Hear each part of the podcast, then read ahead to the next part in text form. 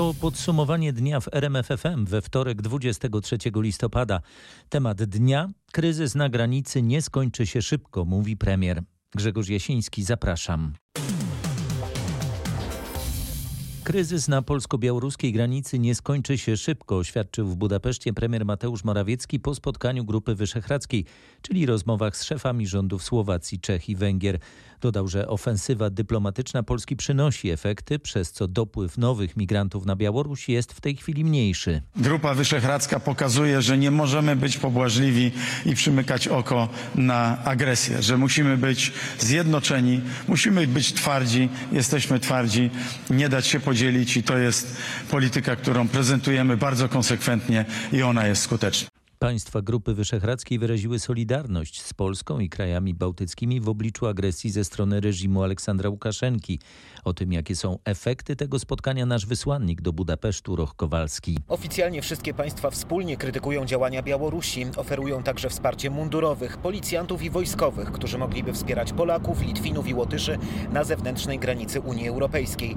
W kuluarach różnice zdań są oczywiste. Utrzymujący bliskie kontakty z Kremlem premier Węgier ani razu nie wspomniał, że że białoruska agresja odbywa się we współpracy z Moskwą. Premier Mateusz Morawiecki, choć przyznaje, że kryzys jeszcze potrwa, to widzi pierwsze zmiany. Ofensywa dyplomatyczna po naszej stronie przynosi już też pozytywne efekty. Powoduje, że dzisiaj dopływ nowych migrantów do Białorusi jest zupełnie inny, jest dużo mniejszy. Szef polskiego rządu jeszcze dziś ma się spotkać z premierem Chorwacji. Rozmowa także dotyczyć będzie kryzysu na polskiej granicy. Unia Europejska nie uznaje białoruskiego reżimu, podkreśliła dziś w Europarlamencie szefowa Komisji Europejskiej Ursula von der Leyen. Zakończyła się już debata poświęcona sytuacji na granicy z Białorusią.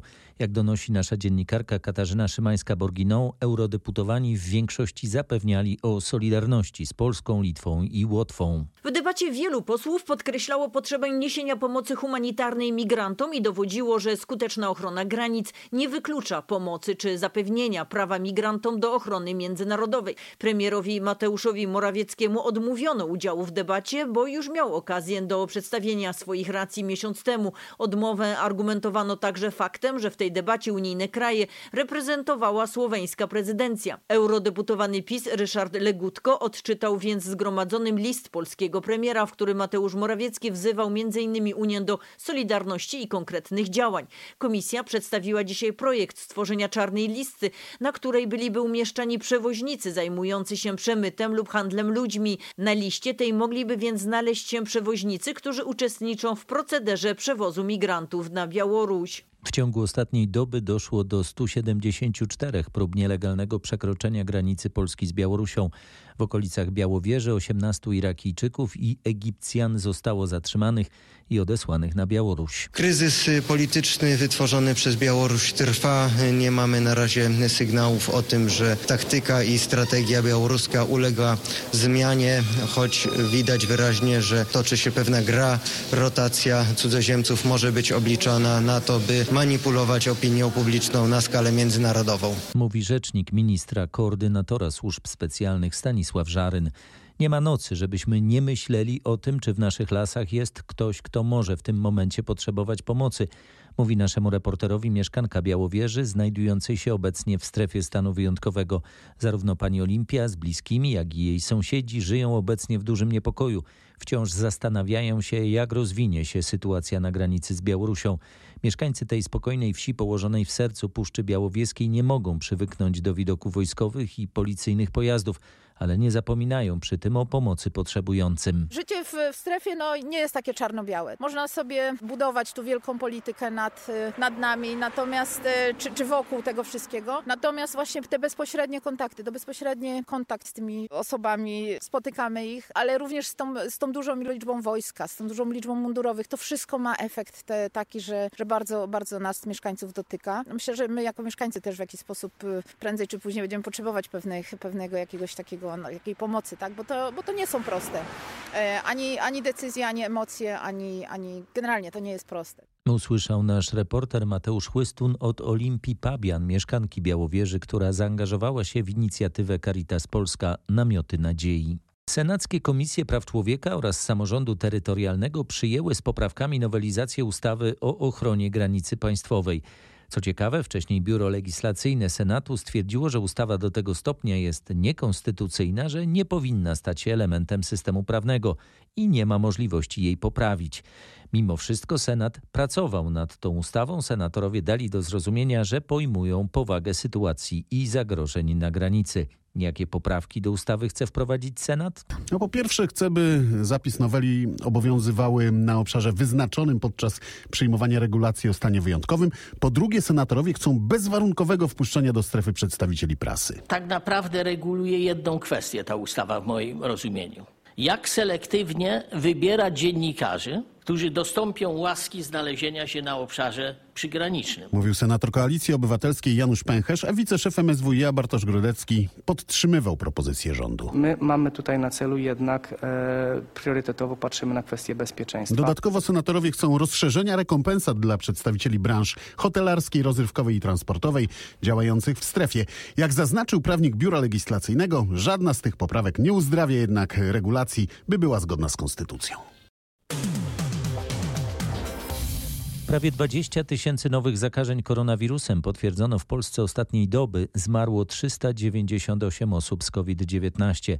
Michał Dobrołowicz zebrał komentarze do danych Ministerstwa Zdrowia. Bardzo niepokojący jest kolejny gwałtowny wzrost liczby pacjentów w szpitalach. Na oddziały covidowe w ciągu ostatniej doby trafiły 962 osoby zakażone koronawirusem. To najwięcej w tej fali pandemii. O tych danych rozmawiałem z zastępcą szefa Sanepidu, Izabelą Kucharską, która zapowiada kolejne wzmożone kontrole noszenia maseczek w całej Polsce, nie tylko w regionach, gdzie choruje najwięcej osób. Sklepy wielko, małopowierzchniowe, również y, wolnostojące oczywiście, restauracje, to są y, teraz w okresie ś- przedświątecznym różnego rodzaju y, sklepy wielobranżowe i, i inne miejsca, gdzie widzimy i obserwujemy, że nie przestrzegane są te zasady. Najwięcej zakażeń ostatniej doby, ponad 3,5 tysiąca, potwierdzono znów na Mazowszu. Najszybciej infekcji w porównaniu tydzień do tygodnia przybywa za to na Śląsku, w Wielkopolsce i w Małopolsce.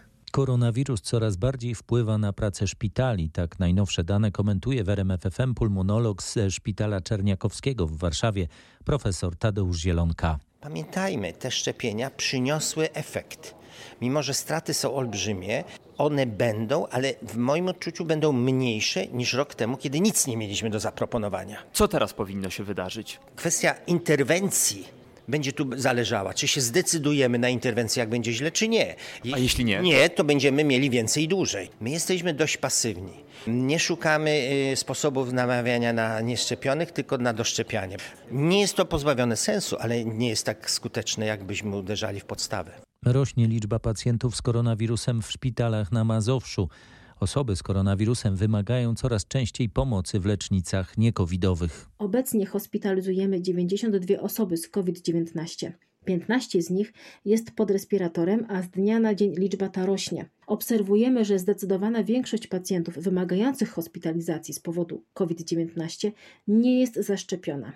Każdego dnia do naszego SOR-u kierowanych jest kilkunastu nowych pacjentów dodatnich, wymagających hospitalizacji, pomimo że nie posiadamy wolnych łóżek covidowych. Nie mamy gdzie przekierować pacjentów. Szpital tymczasowy w Radomiu nie przyjmuje już chorych. Przyznaje rzeczniczka Mazowieckiego Szpitala Specjalistycznego w Radomiu Karolina Gajewska.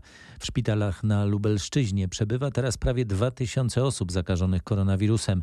To największa liczba pacjentów chorych na COVID-19 w tym regionie od początku pandemii. Tydzień, półtora tygodnia temu mieliśmy szczyt zachorowań. Teraz ten szczyt jest w szpitalach. Potrwa do początku grudnia, przewiduje wojewoda lubelski Lech Sprawka. Niestety za tym idzie też szczyt liczby zgonów. Zgony, których dzisiaj w statystyce mamy 65, w tym tygodniu musimy się spodziewać w przedziale od 50 do 100. Poprawia się sytuacja w rejonach, gdzie fala zaczęła się najwcześniej, czyli na przykład w Białej Podlaskiej. Tam od tygodnia zrobił się zapas około 30 wolnych łóżek. Jeśli kolejne będą się zwalniać, można się w niedługim czasie spodziewać odmrożenia części miejsc dla pacjentów niekowidowych. Dane z województwa lubelskiego zebrał nasz reporter Krzysztof Kot. Wystarczyło zaledwie pięć dni od otwarcia szpitala tymczasowego we Wrocławiu, by zapełnił się pacjentami zakażonymi koronawirusem. W tym tygodniu liczba łóżek zostanie tam podwojona.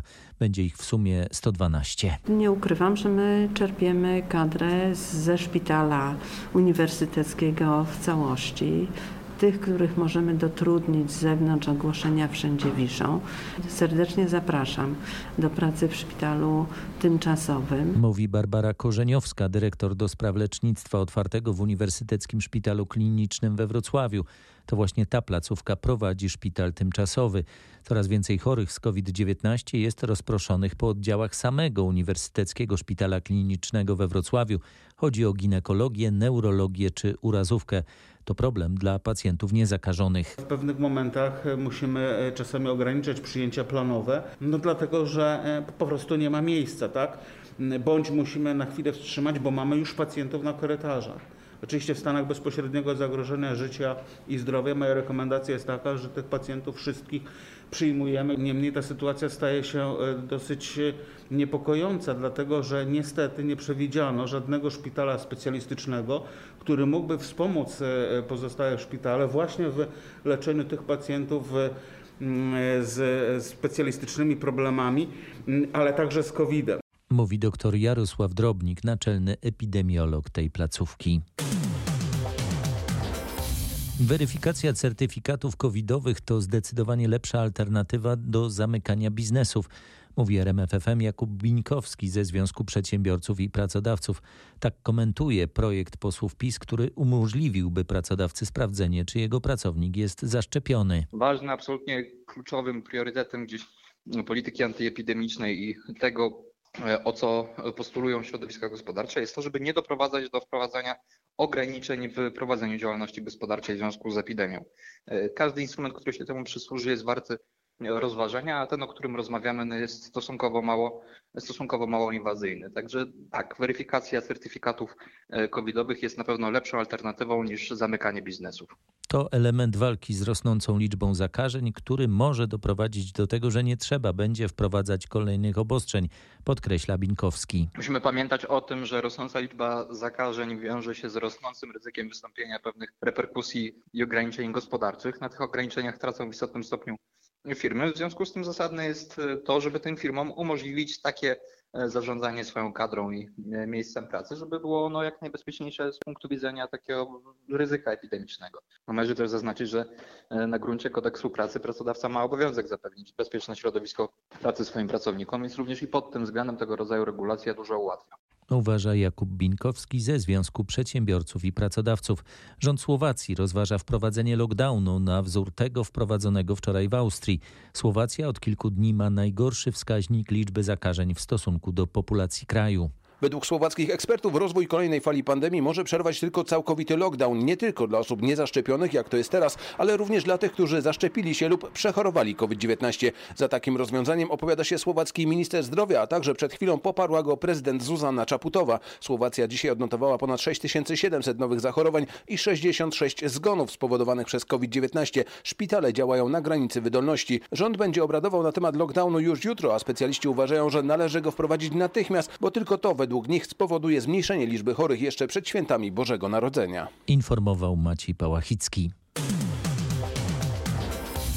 Rośnie zainteresowanie szczepieniami przeciw grypie. Osoby pełnoletnie mogą je przyjąć za darmo.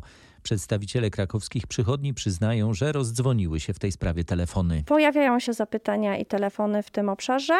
My już poczyniliśmy w tym kierunku kroki, zamówiliśmy dodatkowe szczepionki, przygotowywujemy się na większe zainteresowanie. Mówi Marcelina Hołocińska z grupy ScanMed. No ja uważam, że tak w dzisiejszych czasach zamawiają wszyscy, więc zaszczepię się. W tym roku było darmowe. W ogóle problemy są z tą szczepionką, trzeba polować. Szczepię się już trzeci raz i nie choruję. To pacjentki, które dziś w Krakowie zaszczepiły się przeciwko grypie.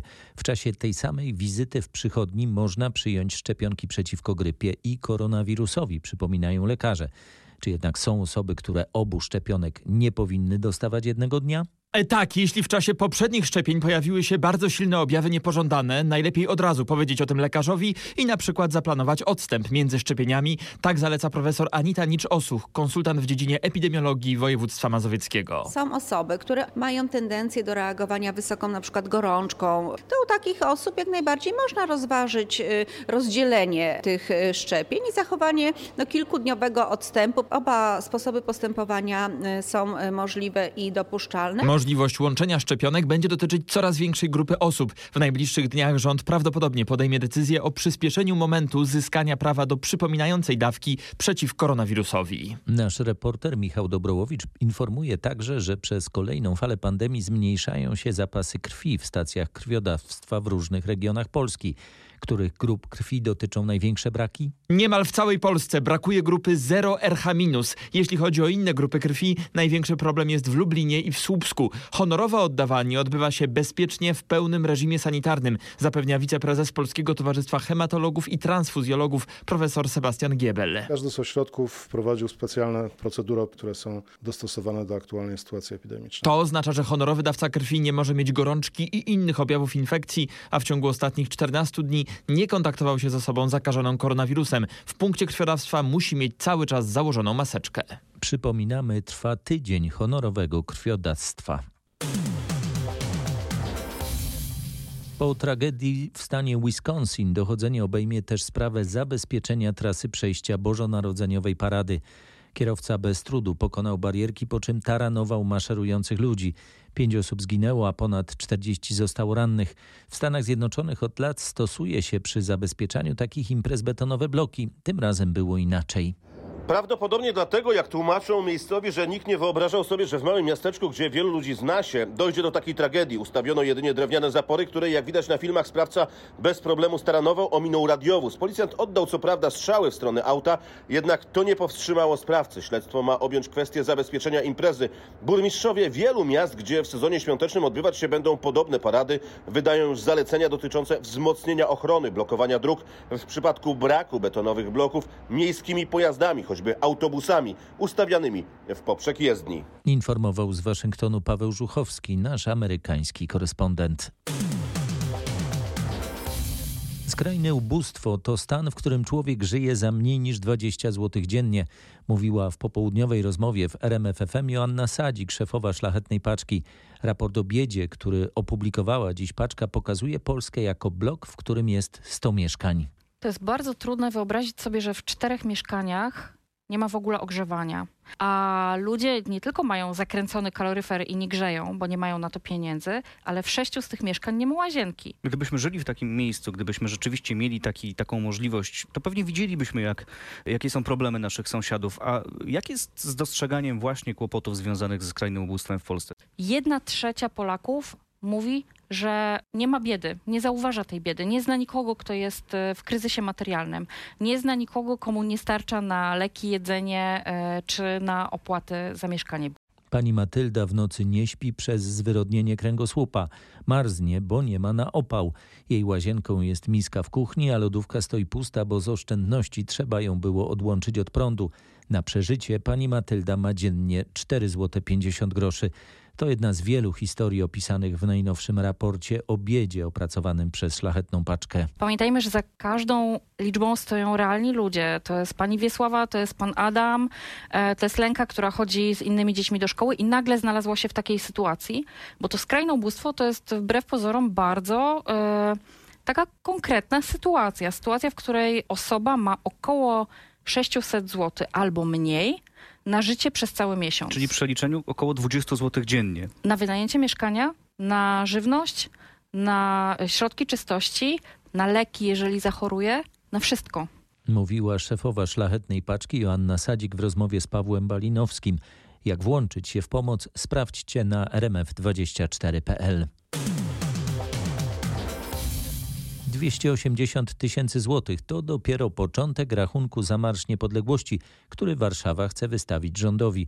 W centrum miasta trwają duże remonty. Na polecenie wojewody miasto musiało uprzątnąć trasę marszu. 280 tysięcy złotych to wyłącznie roszczenia wykonawców remontów. Z Ronda Dmowskiego i Placu Pięciu Rogów wywieziono 400 ton materiałów budowlanych. Trzeba było zabezpieczyć nieskończone prace, a teraz przywrócić stan sprzed tych porządków. Do tego dojdą jeszcze koszty poniesione poniesione przez miasto, a nie przez drogowców. Prezydent Rafał Trzaskowski potwierdził mi, że Warszawa będzie domagać się zwrotu kosztów od rządu, bo Marsz Niepodległości był wydarzeniem państwowym, ale co gorsze, inwestycje w centrum miasta będą opóźnione, mówi dyrektor zarządu dróg miejskich Łukasz Puchalski. Okres stycznia, y, lutego czy marca nie jest okresem, w którym wykonawca będzie mógł prowadzić pracę, więc taki prozaiczny problem y, uprzątnięcia terenu to dla nas jest opóźnienie inwestycji y, w niektórych przypadkach o trzy miesiące. A to kolejne koszty i utrudnienia dla mieszkańców. Informował nasz reporter Maciej Sztykiel. Wnioskiem do prokuratury i mandatami zakończyła się kontrola budowy nowej hali Urania w Olsztynie. Kontrolę wszczęto po tym, jak po zawaleniu się starej kopuły ranny został jeden z pracowników. Osoba, która mm, uległa mm, wypadkowi, została w sposób niewłaściwy zgłoszona do ubezpieczenia społecznego. Stwierdzono pewne nieprawidłowości w zakresie potwierdzenia umowy o pracę jak również poddania tej osoby badaniom lekarskim, szkoleniom w zakresie BHP. Wiarygodność przedstawionych inspektorowi pracy dokumentów nie do końca jest właściwa, w związku z tym inspektor pracy podjął decyzję o skierowaniu zawiadomienia do prokuratury o możliwości popełnienia przestępstwa poprzez potwierdzanie nieprawdy w tych dokumentach, które wymieniłem mówił okręgowy inspektor pracy w Olsztynie Jarosław Kowalczyk. Najstarszy krakowski most z XIX wieku, obecnie pełniący rolę wiaduktu kolejowego nad ulicą Grzegórzecką, zostanie całkowicie rozebrany. Zapadła decyzja o jego rozbiórce. PKP właśnie rozpoczęło prace związane z demontażem konstrukcji. Szczegóły tej sprawy, która budzi spore emocje mieszkańców Krakowa, zna nasz reporter Marek Wiosło. Wiadukt został wykreślony z ewidencji zabytków we wrześniu tego roku. W centrum Krakowa trwa budowa linii aglomeracyjnej. Uznano, że wiadukt jest w tak złym stanie technicznym, że pociągi nie będą mogły z niego korzystać. Rozpoczynamy demontaż, mówi Piotr Hamarnik z PKP PLK. Te prace będą polegać docelowo na demontażu historycznej części wiaduktu, budowie nowej konstrukcji w jej miejscu, no i później ułożeniu na tej nowej konstrukcji materiału, który będzie pozyskany z tej historycznej części. Prace mają potrwać 15 miesięcy. Nie ma jeszcze decyzji co do szczegółów zmian w organizacji ruchu na ulicy Grzegórzeckiej. Ulica ta może być czasowo zamykana. Marek Wiosło ma też dobrą wiadomość. Kraków, choć z opóźnieniem i w niepełnym wymiarze, to jednak na święta rozbłyśnie świątecznymi lampkami. Krajowa Izba Odwoławcza przychyliła się do decyzji krakowskich urzędników dotyczącej wyboru firmy mającej udekorować miasto na święta Bożego Narodzenia.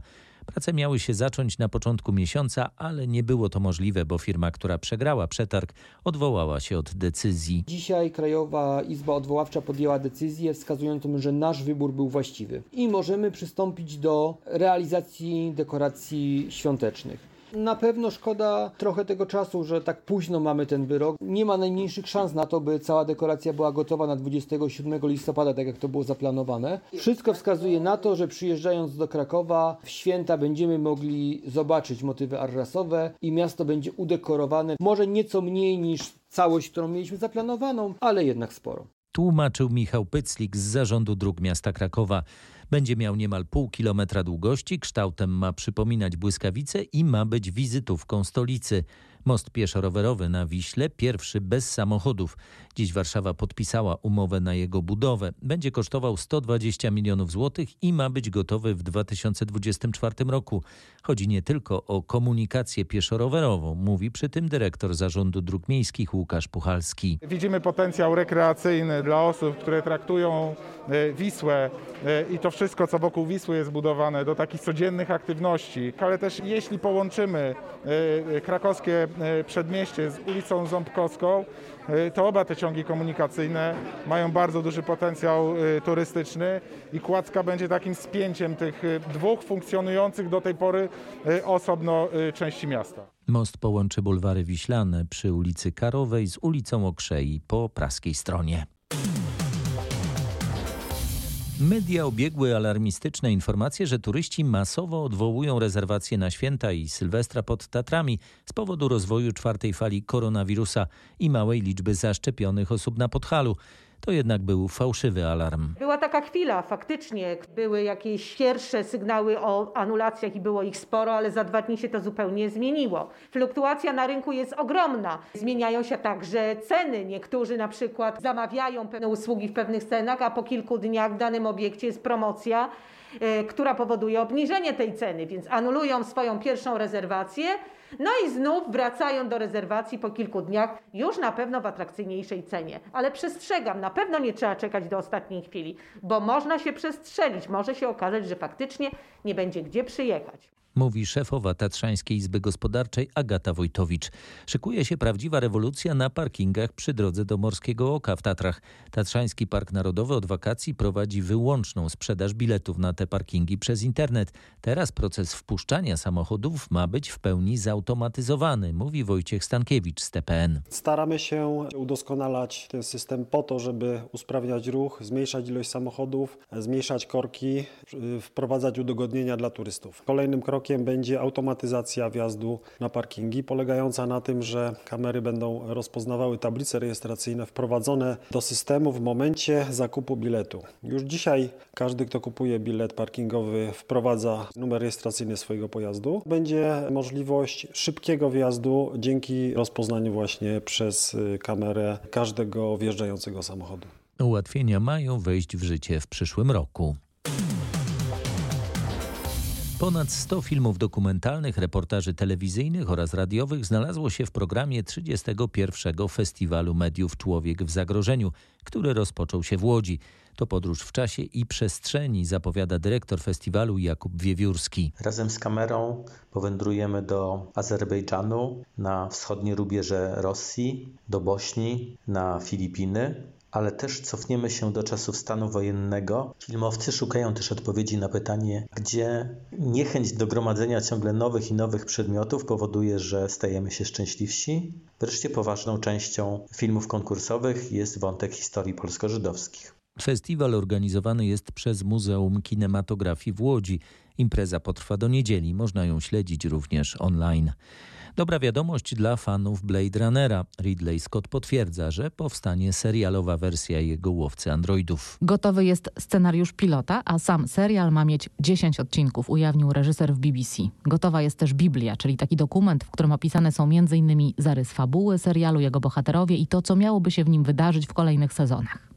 Łowca androidów to legendarny film Ridleya Scotta z 1982 roku, w którym głównego bohatera zagrał Harrison Ford. Cztery lata temu kontynuację Łowcy Androidów wyreżyserował Denis Villeneuve. Harrison Ford pojawił się w tym filmie, ale główną rolę zagrał Ryan Gosling. Nie wiemy jeszcze, kto zagra w serialu. Informuje Katarzyna Sobiechowska-Szuchta z redakcji kulturalnej RMFFM. W Teatrze Studio w Warszawie można zobaczyć Serotoninę. To tragikomiczna opowieść o depresji i pierwsza teatralna adaptacja głośnej książki Michela Welbecka. W jednej z głównych ról zobaczymy reżysera Pawła Miśkiewicza, który musiał zastąpić swojego aktora. Więc błagam Was, nie przychodźcie w najbliższym tygodniu do Teatru Studio, chyba, że macie ochotę zobaczyć pojedynek przemocowego reżysera z jego zespołem aktorskim i skutki tej rywalizacji. A tak już na poważnie, to jeśli macie ochotę, to wpadajcie. Spektakl można oglądać od jutra do niedzieli. Na koniec sport. Kadra koszykarzy trenuje przed meczami z Izraelem i Niemcami. To będzie początek eliminacji Mistrzostw Świata i pierwsze mecze drużyny pod wodzą nowego trenera Igora Milicicia. Zgrupowanie jest krótkie, więc i czasu na poznanie nowej taktyki niewiele. Patryk Serwański z redakcji sportowej RMFFM rozmawiał o tym z Łukaszem Kolendą. Pewnie niełatwy dla Was okres, bo trzeba jak najwięcej wiedzy opanować. Tego czasu jest niewiele. To są tylko dwa dni, cztery treningi, więc trener Milicic no, przekazał nam bardzo dużo informacji podstawowych, które chce, żebyśmy wykonywali. No, dla każdego z nas tutaj to jest ogromna szansa i każdy z nas daje 100%. Wyjazd do Izraela to będzie jak trudne zadanie? No na pewno będzie, będzie ciekawie i nie, nie możemy się doczekać, żeby, żeby pojechać do Izraela i zagrać twardo. Mamy do tego ludzi, żeby grać bardzo intensywnie. Rozmowy z naszymi koszykarzami znajdziecie na rmf24.pl. Mecz w Izraelu zostanie rozegrany w czwartek. Tyle na dziś. Kolejne podsumowanie dnia w RMFFM już jutro wieczorem. Grzegorz Jasiński, dziękuję. Dobrej nocy.